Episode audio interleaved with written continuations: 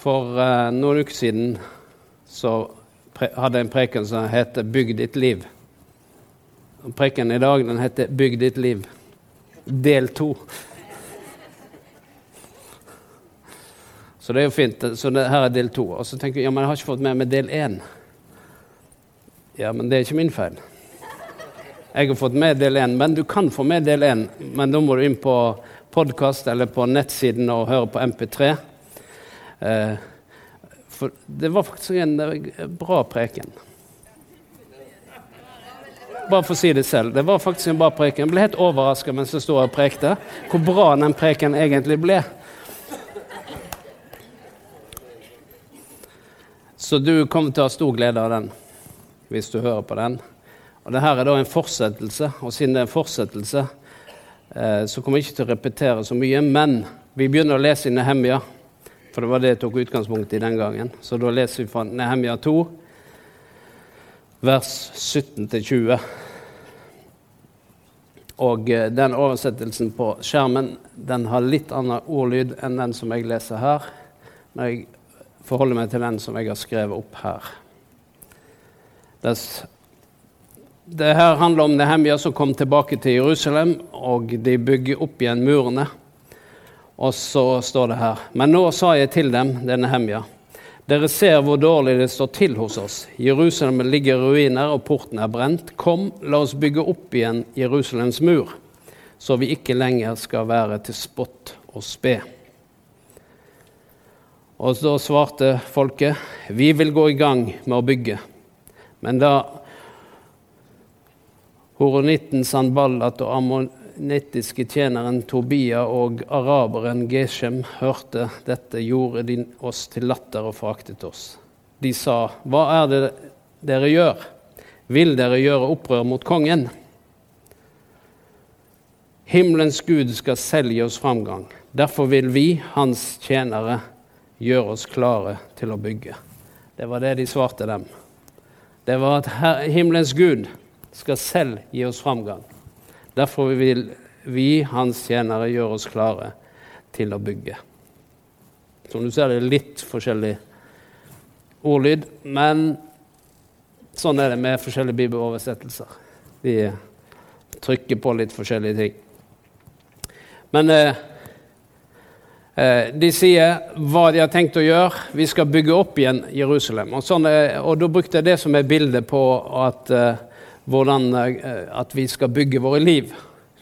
Og uh, I den forbindelse så satte de i gang den gangen med å bygge fysisk mur i Jerusalem, mens jeg snakker om å bygge vårt liv. Og så er det noen med en gang du begynner å bygge ditt liv, så er det noen som sier skal du gjøre opprør mot kongen. Ja, noen ganger så må du gjøre oppgjør mot visse konger i livet ditt. I ditt eget liv. Hvis du skal bygge det, så er det noen konger i livet som må avsettes for at du skal kunne bygge livet ditt. Og med en gang eh, du begynner å bygge livet ditt, så, det, eh, så blir det visse brytninger. og Det må du bare ta med i regnestykket. Men det som er viktig her, det er at eh, de sier noen ting. Vi vet at Gud selv vil gi oss framgang. Derfor vil vi sette i gang med å bygge. Og det er Sånn er det med vårt liv òg, at Gud selv vil gi oss framgang. Når vi bygger vårt liv, når vi bygger vårt liv sammen med Gud, så vil Han være med oss, og Han vil gi oss framgang fordi Han vil at du skal ha en solid fundament, et godt liv på alle måter. Så det var vi inne på sist gang, så det snakker vi ikke om i dag. Men vi skal snakke videre om å bygge ditt liv. Og eh, det er slik at når vi bygger vårt liv, så bygger vi ikke bare vårt eget liv. Fordi at det som skjer med vårt liv, det påvirker de som er omkring oss. Sånn er det. Det er ikke slik at, du, det bare, at ditt liv det påvirker ingen andre. I så fall må du gjøre noe med livet ditt. Fordi livet vårt det påvirker de rundt oss på godt og på vondt. Det er ikke sånn at du ikke påvirker andre. Og det er heller ikke slik at vi ikke påvirkes av folk rundt oss. Fordi at vi er, vi er satt sammen i samfunnet, i familier og i menighetsliv, i arbeidsliv og overalt. Og der er det relasjoner. Det, sånn er det. Relasjoner det følger oss gjennom hele livet. Noen er lange relasjoner, noen kortere relasjoner. Noen er relatert til jobb for en periode, for skole for en periode. Men relasjoner det får vi gjennom hele livet. Og disse relasjonene de påvirker oss, og du kan påvirke dine relasjoner. Og derfor, når du bygger ditt liv, så bygger du òg din familie. Så bygger du òg samfunnet rundt deg. Så bygger du òg din framtid. Du bygger òg menighet og Guds rike når du bygger ditt liv på Guds rikes prinsipp. Men så er spørsmålet Det står at Gud selv skal gi oss framgang. Ja, det er hans innstilling, det er at han vil gi oss framgang. Men så sier han det, men da må du samarbeide med meg, sier han. Det, det, det, det er en del av dealen. For noen ganger tenker vi ja, men Gud gir meg framgang uansett, for Gud er mer enn uansett, og Gud er nådig uansett, og Gud er god uansett. Ja, alt det er fordi han er Gud. Han endrer ikke på seg i det hele tatt. Men hvis ikke vi samarbeider med han, da får du ikke den der, den der gode synergien i dette med at Gud vil gi oss framgang. Så mennesket det er skapt i Guds bilde. Og vi er skapt med ånd, med sjel og med kropp. Så at når Gud skapte oss i sitt bilde, så skapte han oss som hele mennesket. Dvs. Si, vi består av kropp, og vi har en sjel, og vi har en ånd. Og alt det der henger sammen. Det er det som er du. Så når noen tiltaler deg med navn, så snakker om hele deg. Men det vi ser, det er jo det fysiske. Så vi gjenkjenner hverandre først og fremst ved at vi ser hverandre. Og når du blir nærmere kjent, så blir du kjent med denne personens måte å være på. Hvordan en snakker.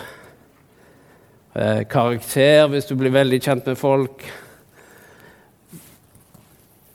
Men så sier Bibelen òg at vi kan kjenne hverandre etter ånden.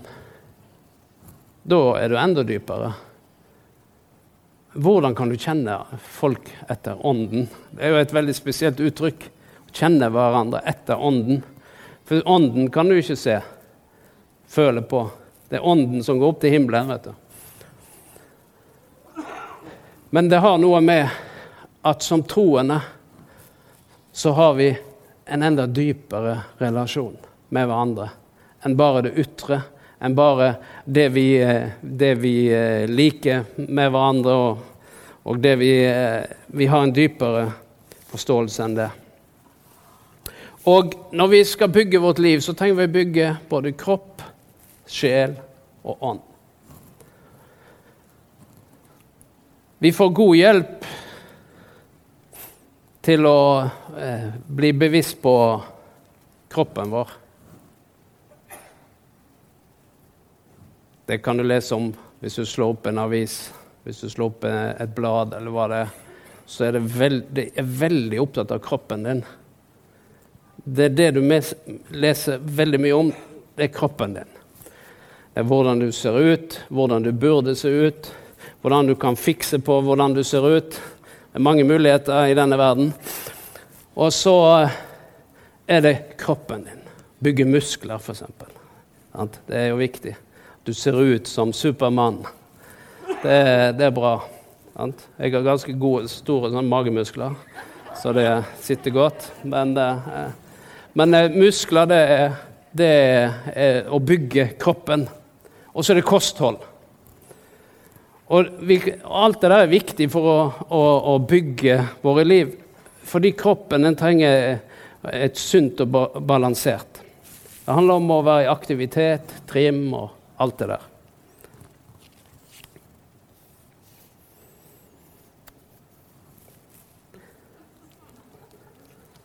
ble så stille og sagt om trim, så merkelig som med en gang.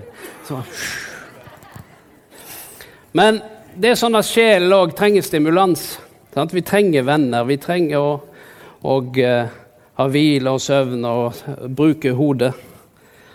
Det, det, det stimulerer sjelen vår. Og det er òg sånn at i sjelen vår så det, kan det finnes negative følelser. Uoppgjorte ting frykt, uro, bekymring. ensomhet. Det er mye som kan bryte sjelen ned. Og når sjelen brytes ned, så påvirker det vårt forhold til Gud og til hverandre. Og det påvirker òg Det påvirker òg eh, faktisk kroppen vår. Så Gud tenker at det skal være en balanse i alt dette her.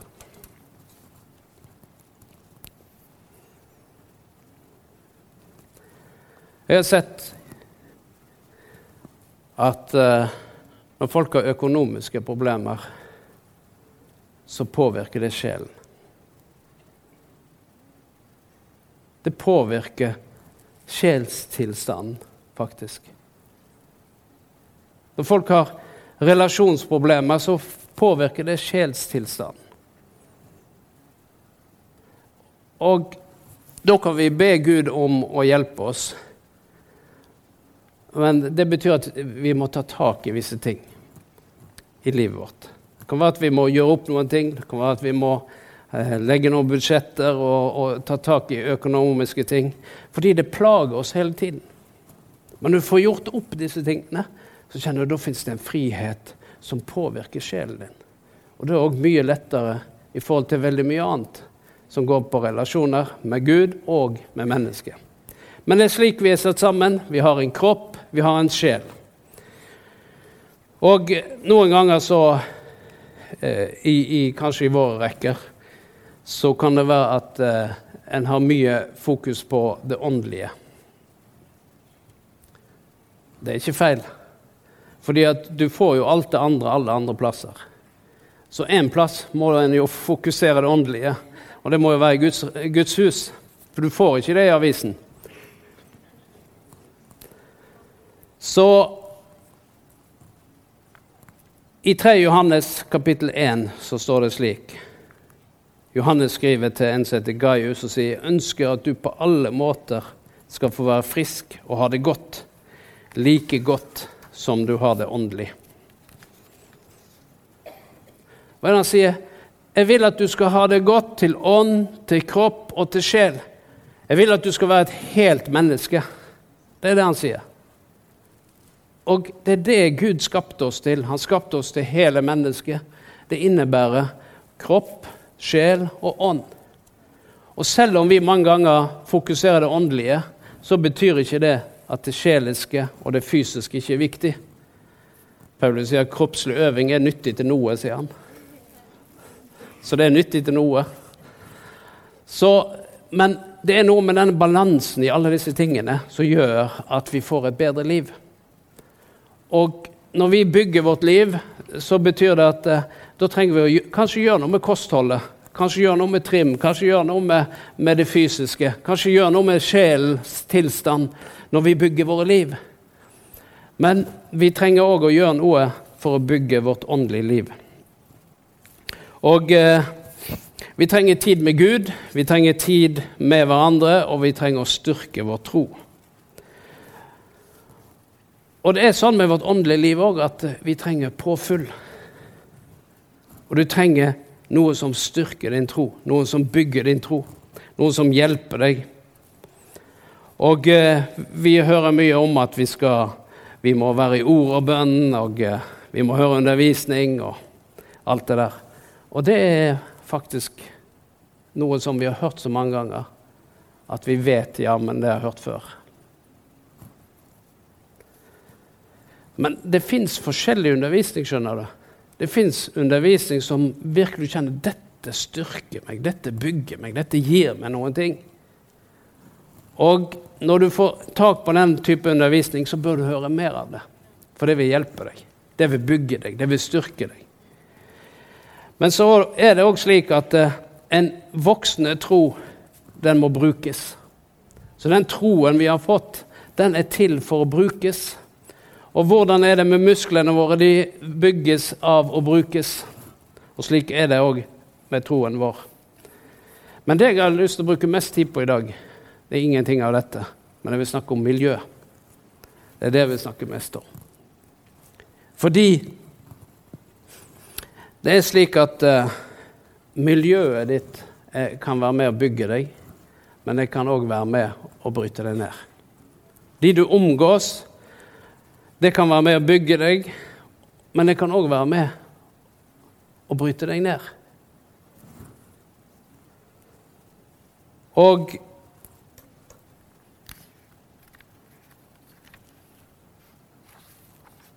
det fins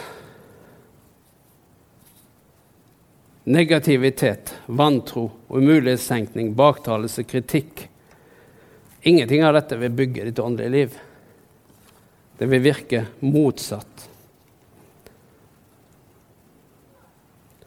Og så er spørsmålet ja, men betyr det at jeg eh, ikke kan omgås noen. Fordi på skolen eller på jobben der er det mye sladder, baktalelse og misnøye. Det er helt normalt. Det er det som er hele tiden, så er det misnøye. Hvis du sitter på lunsjrommet, så er det alltid noen å snakke ned. Om ikke de er i rommet, så finner du en eller annen politiker eller en eller annen businessman eller Trump eller en eller annen som du må prate ned som du må mene noe veldig negativt om.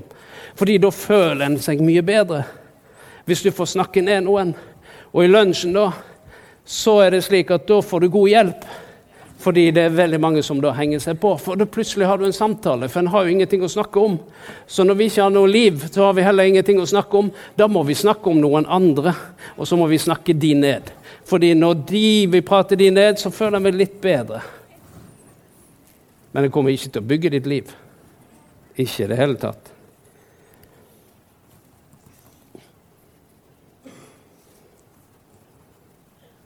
Men du trenger ikke delta på disse samtalene. Du trenger ikke la deg påvirke av det. Men du kan velge. Du kan velge å delta, og du kan velge å la deg påvirke. Eller du kan velge å snu samtalen for du har jo en røst, du òg. Men noen ganger så er det ubehagelig.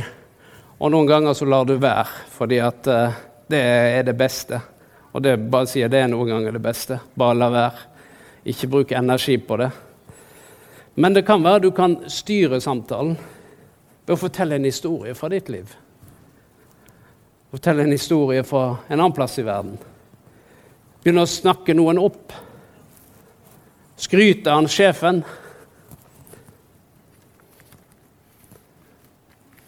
Ingen sjefer er jo perfekt. Det er derfor de ikke får så mye skryt. Men det er noen som kan skryte av dem uansett. Du kan endre mentaliteten i rommet. Faktisk er det sånn at du kan, du, du kan endre en holdning i et rom ved å prate annerledes. Fordi du har en røst. Men du kan òg jatte med, plutselig uten at du er klar over det så har du fått noen tanker du ikke hadde før. Du har fått en holdning som du ikke hadde før. Du har fått en mening om noen som du ikke hadde før. Og noen har servert deg den retten, og du spiste den. Og uten å være klar over det, i en annen samtale så kom det plutselig ut noe av munnen. Og tenkte hvor kom det fra? Jo, det kom fra den samtalen som du hadde rundt det bordet sammen med de. Da fikk du servert noe, og du spiste det, men du var ikke klar over at det ble en del av deg. Men plutselig, i neste sammenheng, så kom det ut igjen, og så skjønte du hvor kom det fra? Det er slik det er med disse tingene. I Salme 1 så står det følgende, i vers 1-3. Salig er den som ikke følger ugudelige menneskets råd, ikke slår inn på synderes vei, eller sitter sammen med spottere, men har sin glede i Herrens lov og grunner på den dag og natt. Han er like et tre plantet ved bekker ved rennende vann. Det gir sin frukt i rette tid, og løvet visner ikke på det. Alt det han gjør, skal lykkes for ham.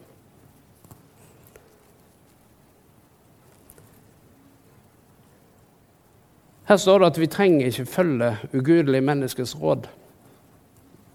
Men vi kan isteden ha glede i Herrens lov. Og så kan vi grunne på den dag og natt. For det, det, når vi er i denne verden, så er det mye som treffer oss, og som påvirker oss hele tiden. Men for at ikke vi skal sitte der med spotterens sete, som det står, så må vi ha denne gleden i Herrens lov hele tiden. Bare hente inn der.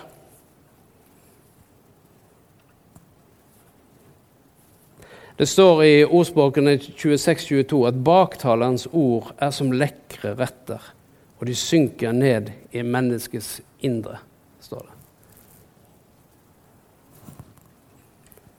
Og det er det jeg sier, at eh, noen ganger så spiser vi ting, og vi var ikke klar over at det ble en del av oss, før det plutselig kommer ut i en annen sammenheng overfor noen andre. Og plutselig så deltar vi på noe som vi ikke hadde tenkt. Og til og med det kristne fellesskapet kan bli sånn. Til og med som om det var en overraskelse. Men det er faktisk sånn. For de første går inn til brev 14 sier at når dere kommer sammen, har hver og en av dere en klage, en baktalelse, en kritikk, en misnøye eller en skuffe. Men bare se til at alt skjer til oppbyggelse, står det der. Du har lest det, dette er Amplified-oversettelsen. Det er ikke det det står. Når dere kommer sammen. Men det er sånn det er noen ganger når vi kommer sammen så har noen en kritikk, har noen en skuffelse, har noen Og plutselig så er det et samtaleemne. Og så merker du at denne samtalen bygger ikke mitt liv. Hvis ikke du merker at denne samtalen ikke bygger mitt liv, da har du et alvorlig problem. Og det er òg en del. For noen ganger så har ting blitt så vanlig for oss at vi legger ikke merke til hva som kommer ut av vår egen munn. Fordi det er blitt disse lekre rettene som vi blir mett av, som tilfredsstiller oss. Har du hørt? Visste du det? Fordi at hva hjertet er fullt av, det taler jo munnen.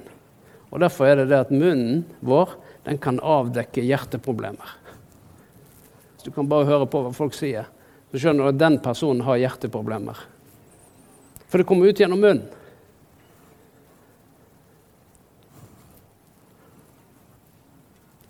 Altså Spørsmålet mitt er når jeg snakker om hva som skal bygge ditt liv, så må vi òg snakke litt om hva som ikke bygger livet vårt. For det er en del av hele pakken. Men jeg tror at det går an til å ha en mentalitet. Det går an til å ha en innstilling. Det går an til å ha noe som gjør at når du møter folk, så prater du det opp. Når du eh, snakker sammen med noen, så sier han 'Har du hørt denne historien?' Og så forteller du noe som har med Guds gjerninger å gjøre. Noe som har med framgang å gjøre. Noe som eh, har med Guds rikes eh, mentalitet å gjøre. Du snakker folk opp. Du snakker situasjoner opp. Ja, Betyr det at vi ikke skal snakke om og ikke ha kritikk og ikke ha Ja, Men du kan gjerne ha det. Hvis du kjenner at det bygger opp livet ditt, så må du bare ha det for meg.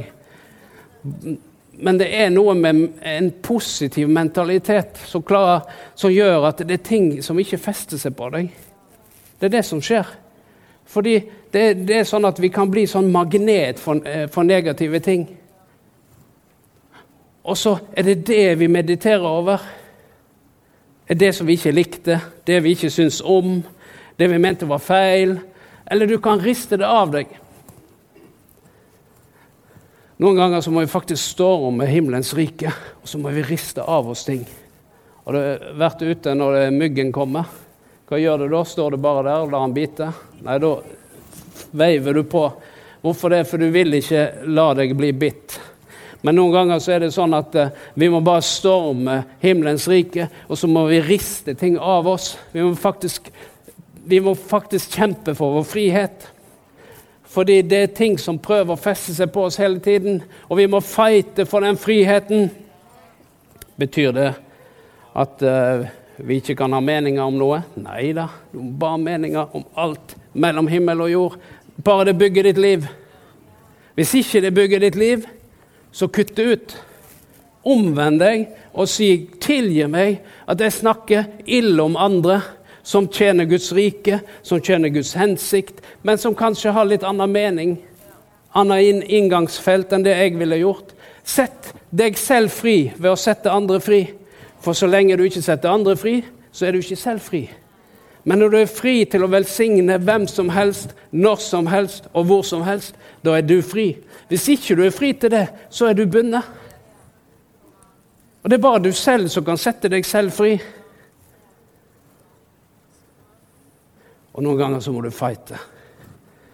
Jeg skal si det noen ganger, så Hvis du hadde vært med på meg sitte i bilen helt alene Jeg passer på at jeg er helt alene, og at jeg ikke kjører i nabolaget. Og at jeg kjører en plass og ingen kjenner meg igjen. Og så gauler jeg som en galning i den bilen. Jeg bare skriker. Hvorfor det? Jo, for jeg merker det er noe som prøver å feste seg på meg. Jeg må bli fri det. Jeg kan ikke tillate at det får feste seg. Og det, det er ikke ofte jeg gjør det. At, men hvis du tilfeldigvis skulle kjøre forbi meg på motorveien du ser Altså, ikke bli bekymra. Da vet du bare at han trenger bare, trenger bare å lufte litt. Jeg vet ikke hva du gjør når du trenger å bli fri. Andre ganger så kjenner jeg at det er litt sånn negative følelser som prøver å feste seg. Og da prøver jeg å gå. Joggeturene blir veldig korte, så det, det blir mest at det går. Fordi jeg må få det ut av systemet, ut av kroppen. Fordi plutselig så prøver det å feste seg noen ting. Men jeg kan faktisk gjøre noe med det. Noen ganger så tar det litt tid før jeg merker at ting prøver å feste seg. Og da må jeg velge skal jeg la dette fortsette hos meg, eller skal jeg riste meg løs. Faktisk Noen ganger så må vi faktisk riste oss løs. Du må ikke tillate å meditere på disse tingene som bryter ned ditt liv. Vi trenger å meditere på ting som bygger opp vårt liv. Fordi vi har alle årsaker eller grunner til å ta inn over oss ting som bryter oss ned.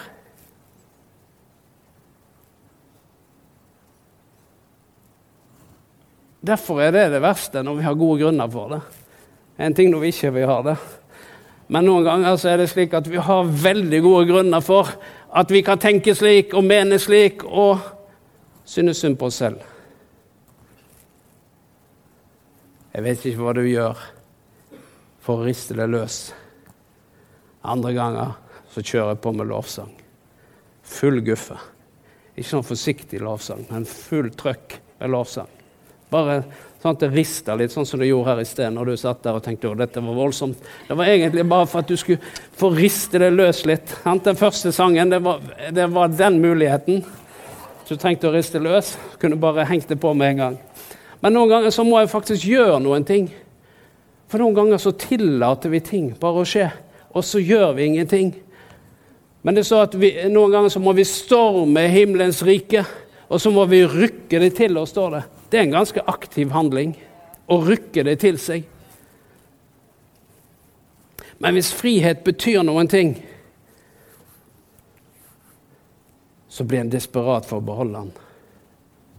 Og da vil du fighte for din frihet. Og noen ganger så betyr det faktisk Hvis du er i en relasjon med noen, og du ikke klarer å snu den relasjonen til oss til noe positivt, hvis du har en vennskapskrets, og alt i den vennskapskretsen merker du det, det er ikke noe positivt, det er negativt, det er kritikk, det er misnøye, det er sure oppstøt hver eneste middag, så må du enten si ifra, eller så må du gjøre, gjøre noe med det. Det vil si, hvis du kjenner at denne relasjonen her, da må du kanskje si at eh, ja, du, jeg kommer ikke på det selskapet. Nei, jeg blir ikke med deg i kveld. Jeg blir ikke med på Og så tenker du ja, men hvorfor det? Kanskje det er tid for å bli ærlig. Og nå snakker jeg om det kristne fellesskapet. Jeg snakker ikke om der ute. Men noen ganger så må du kanskje si jeg vil ikke være med på det her. For det eneste dere er opptatt av, det er å kritisere, det er å prate ned. Og jeg blir nedbrutt av det. Jeg vil beholde min frihet. Og noen ganger så må du kjempe for din frihet. For det, det er som sånne tråder som prøver å feste seg. Og plutselig er du bundet. Hva må du gjøre? Må du rykke det løs. Må du rykke det løs. Vi snakker om å bygge ditt liv, faktisk. Veldig stille i dag.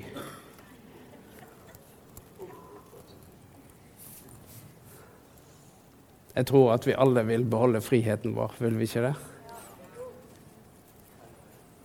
Jeg vil i hvert fall beholde den.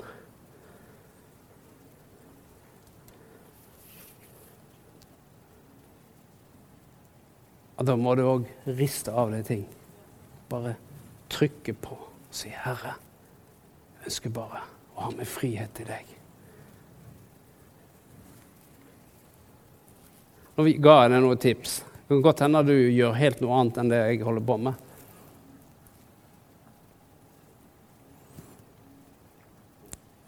Jeg vet ikke hva du gjør. Men én ting det er at tillat ikke noen å ta fra deg din seier, din glede, din fred og din frihet. Tillat ikke.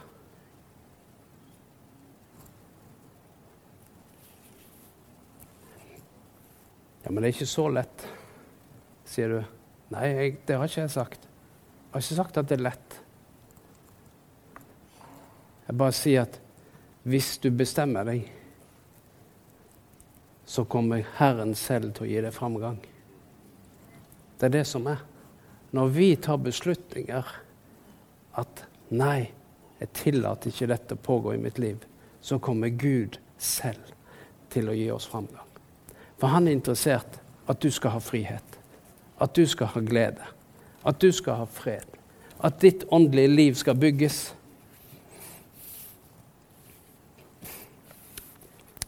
Nå må vi få litt ærlighet her nå. No, kjenner du litt igjen av det jeg prøver å si? Det var fem stykker. Fint. Det var flere enn fem.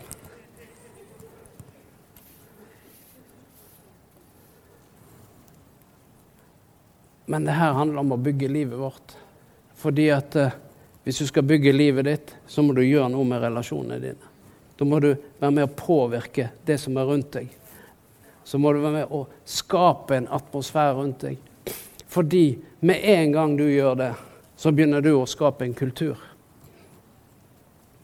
Da begynner du å skape en kultur hvor vi heier på hverandre, hvor du velsigner, hvor du bygger opp hvor du eh, støtter folk. Med en gang så begynner du å bygge en kultur rundt deg som gjør at det du bygger, det blir attraktivt. Og så legger folk merke til Men hva er det med deg? Hvorfor er du så positiv hele tiden? Hvorfor ser du løsninger hele tiden? Og det er det som skjer når vi begynner å bruke vår munn og tale velsignelse, tale liv, tale glede, tale frihet. Velsigne rundt oss, snakke folk opp. Til og med Trump kan du velsigne. Vet du det?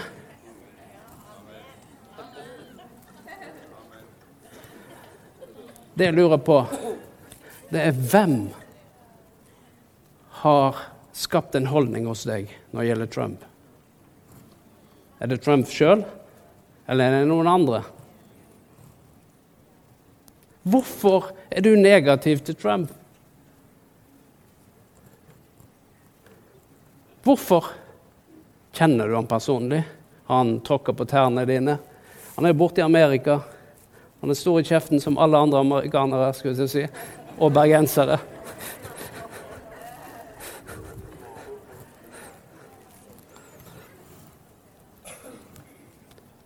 Men jeg bare spør hvem har skapt en holdning hos deg når det gjelder Trump?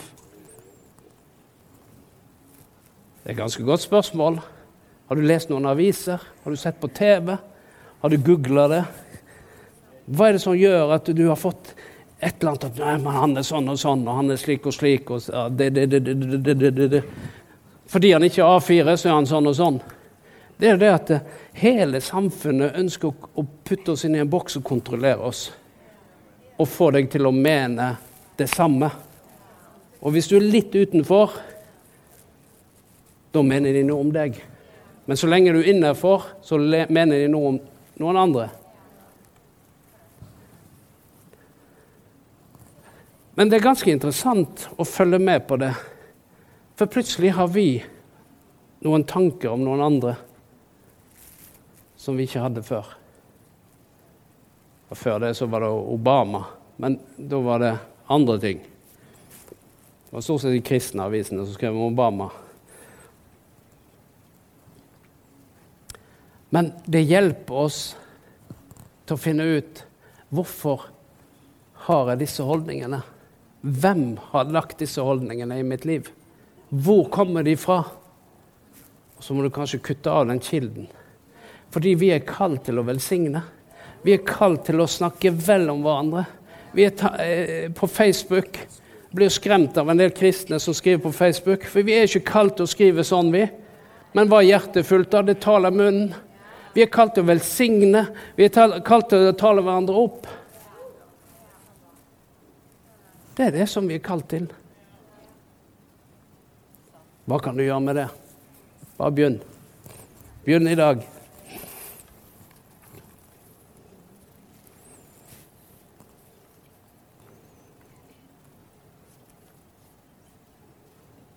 Det er faktisk en livsstil. Det er en mentalitet. Og Gud vil hjelpe oss til å ha denne mentaliteten.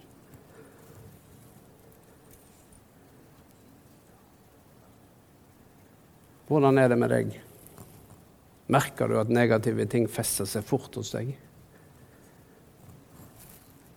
Det er rart, det der.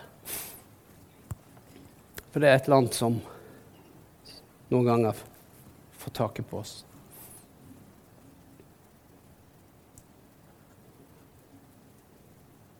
Men det trenger ikke være sånn.